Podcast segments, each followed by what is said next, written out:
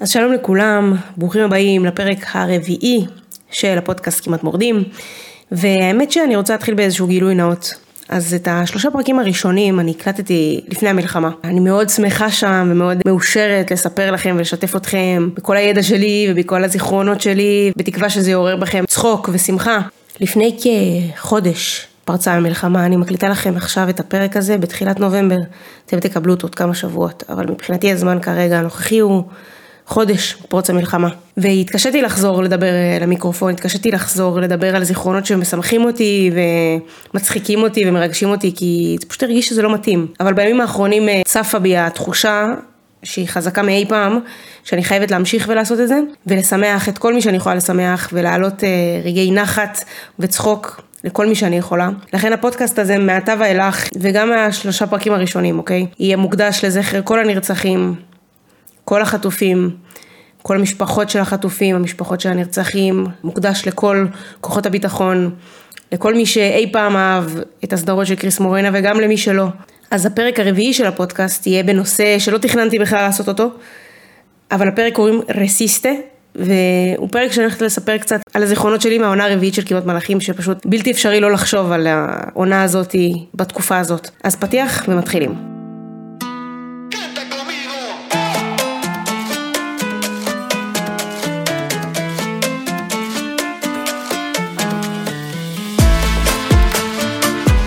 שלום שלום, ברוכים הבאים וברוכות הבאות לפודקאסט כמעט מורדים קאסי רבלדה, הפודקאסט הראשון מסוגו בישראל, שהולך להחזיר אתכם ואתכן עשרות שנים אחורה לכל הטלנובלות שגדלנו עליהן. אז אני ירין בן עמי, והולך להיות לנו מה זה כיף, אז קדימה, בואו נתחיל.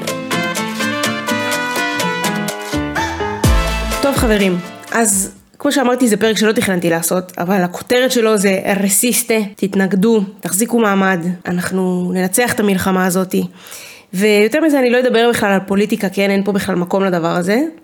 אבל אני כן אדבר על המושג הזה מרד, או בוא נגיד איך שקריס ראתה את זה. בעיקר בכל הסדרות של קריס, היינו עדים להמון צעירים שמורדים בהורים, מורדים בסביבה, והיה לזה מין אה, כוח מאוד מאוד אה, חזק ועוצמות מאוד מאוד גדולות, וכמובן שאי אפשר שלא להרגיש את העוצמות האלה כשמרגישים עכשיו את המלחמה, שנמצאים בתקופת מלחמה. וכשחשבתי על מה לדבר בפרק הזה, אז חשבתי אוקיי, קודם כל המורדים, הסדרה שלנו שכולנו אהבנו וגדלנו עליה, יש שם הרבה מרד מן הסתם, זה השם של הסדרה, בין אם זה בראש העיר בוסטמנטה או בהורים, היה שם הרבה מרד נגד הממסד, אבל זה לא הרגיש לי כמו מה שאנחנו מדברים עליו עכשיו.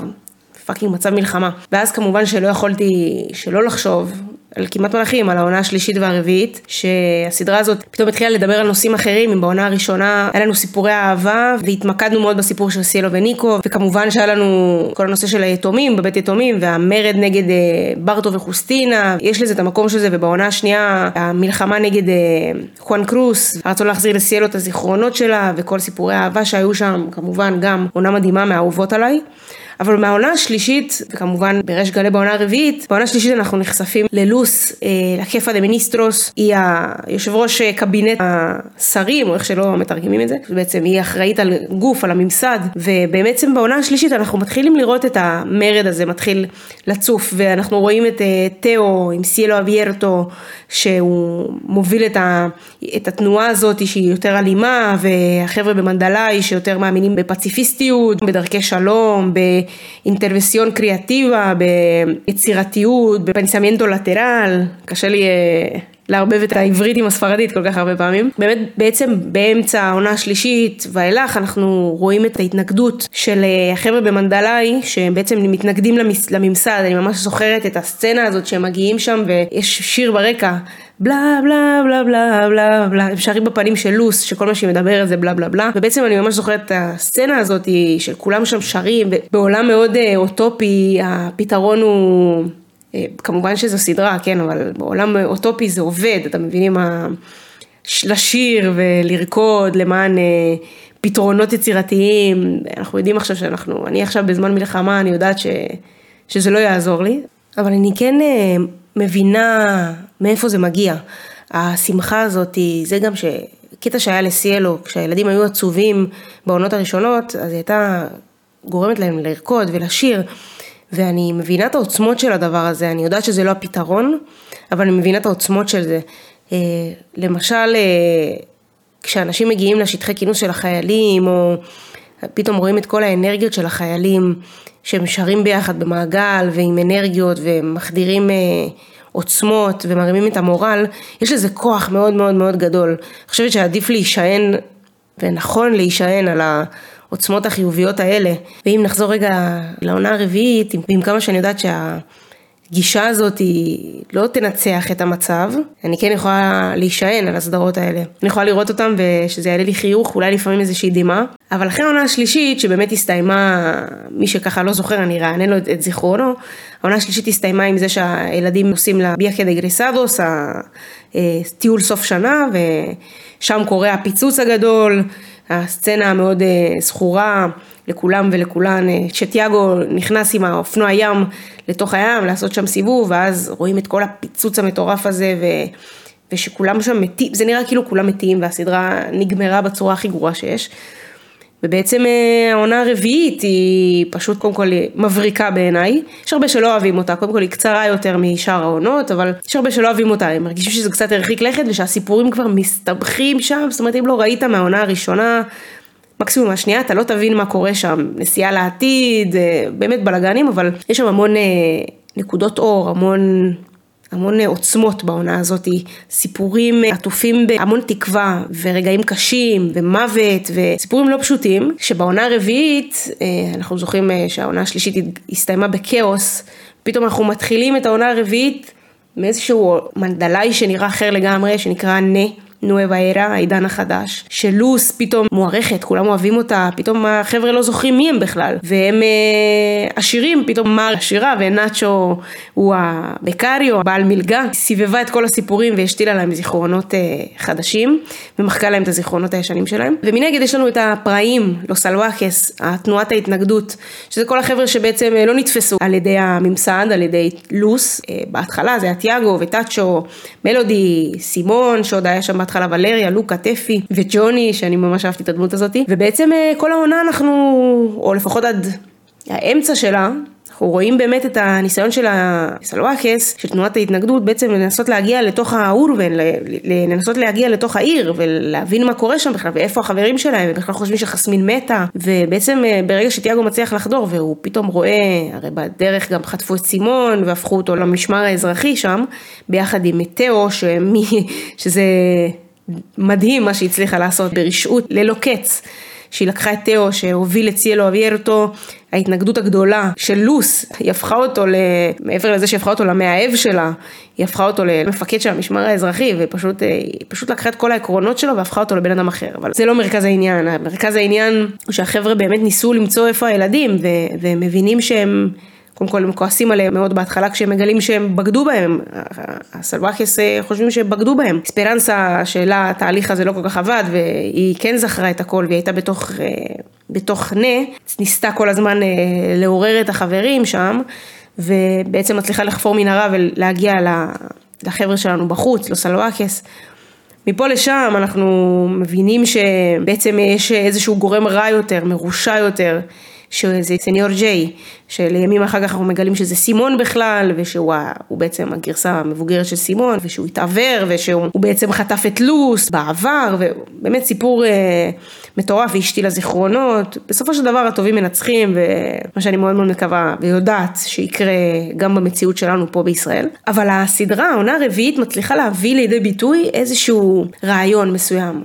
האלה שבחוץ ואלה שבפנים, הרע והטוב. כמובן שהניצחון אה, מלווה באינטרבנציון קריאטיבה, התערבות יצירתית, זאת המילה. ובאמת אה, בעזרת אה, המון רעיונות יצירתיים, איך להצליח לעורר את האנשים שם.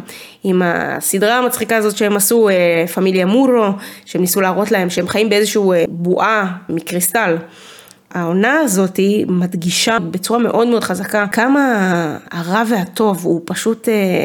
עוצמתי, לכל צד יש את העוצמות שלו. ברור שעוצמות האור הן אה, גדולות יותר באיזושהי סדרת טלוויזיה, אבל אי אפשר שלא להרגיש איזושהי, אה, אני אגיד לכם ככה בכנות, אני בימים האחרונים רואה את הפרקים מהעונה הרביעית, זה פשוט נורא לראות מה שהיא עשתה להם שם, לוס, ואיך היא חדרה להם למוח. ושינתה להם את הזיכרונות, ולא יכולתי שלא לחשוב על מה שקורה בעולם היום, על השנאה שמתפרצת על היהודים, והאנטישמיות שפשוט מתפשטת בכל העולם כאילו אנחנו חוזרים 75 שנה, 80 שנה אחורה, תקופת השואה, אנחנו בלי מדינה, ורודפים אותנו, ושמים אותנו במחנות ריכוז, וכל הדברים נוראים שהיו בשואה. והיום אנחנו, יש לנו מדינה, יש לנו איפה להיות, אנחנו יכולים להרגיש פה בטוחים, או שלא. והשנאה הזאת ששוטפת עכשיו את כל העולם, היא מפחידה והיא, והיא נוראית, ופתאום אתה לא יכול לא לחשוב על, בעונה הרביעית הזאת, איך, איך הם שנאו את הפראיים, את ה salvajes, משטיפת מוח מסוימת. וזה לא, יכול, לא יכולתי להתנער מהתחושה שהרשתות החברתיות מעבירות אותנו שטיפת מוח. אותנו ואת ה, כל מי שגר בעולם כולו, שהוא לא בישראל והוא פשוט ניזון מסיפורים מזווית מסוימת, מסיפורים בלי קונטקסט ומסרטונים וכמה מהר פייק ניוז רץ היום וכמה מהר אפשר לשפוט שמישהו עשה משהו. וזהו, אני אגיד לכם את האמת, העונה הרביעית נותנת לי תקווה. היא דמיונית והיא לא מציאותית, אבל לי יש תקווה, כמו המון אנשים בישראל, ישבתי וראיתי המון חדשות בשבועות הראשונים. וכשמתחילה המהדורה המרכזית, אני פשוט שמה פרק של כמעט מלאכים העונה הרביעית ומתמלאה בתקווה. אני מרגישה שיש לנו בית שאנחנו נלחמים עליו, שאני מאוד גאה להיות ישראלית ויהודייה בעולם הזה, ושאף אחד לא יכול למחוק אותנו מפה, אנחנו פה כדי להישאר ולהראות לכולם מה זה פני הרוע. ובשונה מהעונה הרביעית של כמעט מלאכים, שפני הרוע אה, הוא כביכול, אה, או בוא נגיד לוס, היא כביכול שטופת מוח, במציאות שלנו זה לא תירוץ. כי עברנו דברים נוראיים בשביעי לאוקטובר, ושטיפת מוח זה לא, לא תירוץ, אנחנו במציאות, ואנחנו לא נשכח ולא נסלח לעולם על מה שעברנו. ואני נאחזת בכמעט מלאכים ובעוד כל הסדרות של קריס כדי להעלות לעצמי חיוך בימים הקשים האלה, ואני ממליצה לכם לעשות את זה גם. וזהו חברים, אז אני מאחלת לכם שתשמרו על עצמכם. כל העונה הראשונה של uh, כמעט מורדים, כן כן, אני מתכננת שתהיה עונה שנייה כבר, אני התמלאתי בכל האנרגיות שצריך בשביל לעשות לכם אסקפיזם ברמה הגבוהה ביותר שיש.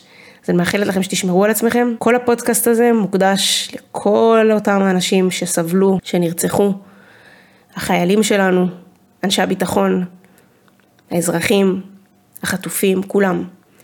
הפודקאסט הזה הוא בשבילכם. אז תשמרו על עצמכם, ואנחנו ניפגש בפרק הבא של כמעט מורדים. נהניתי ושמחתי. להתראות.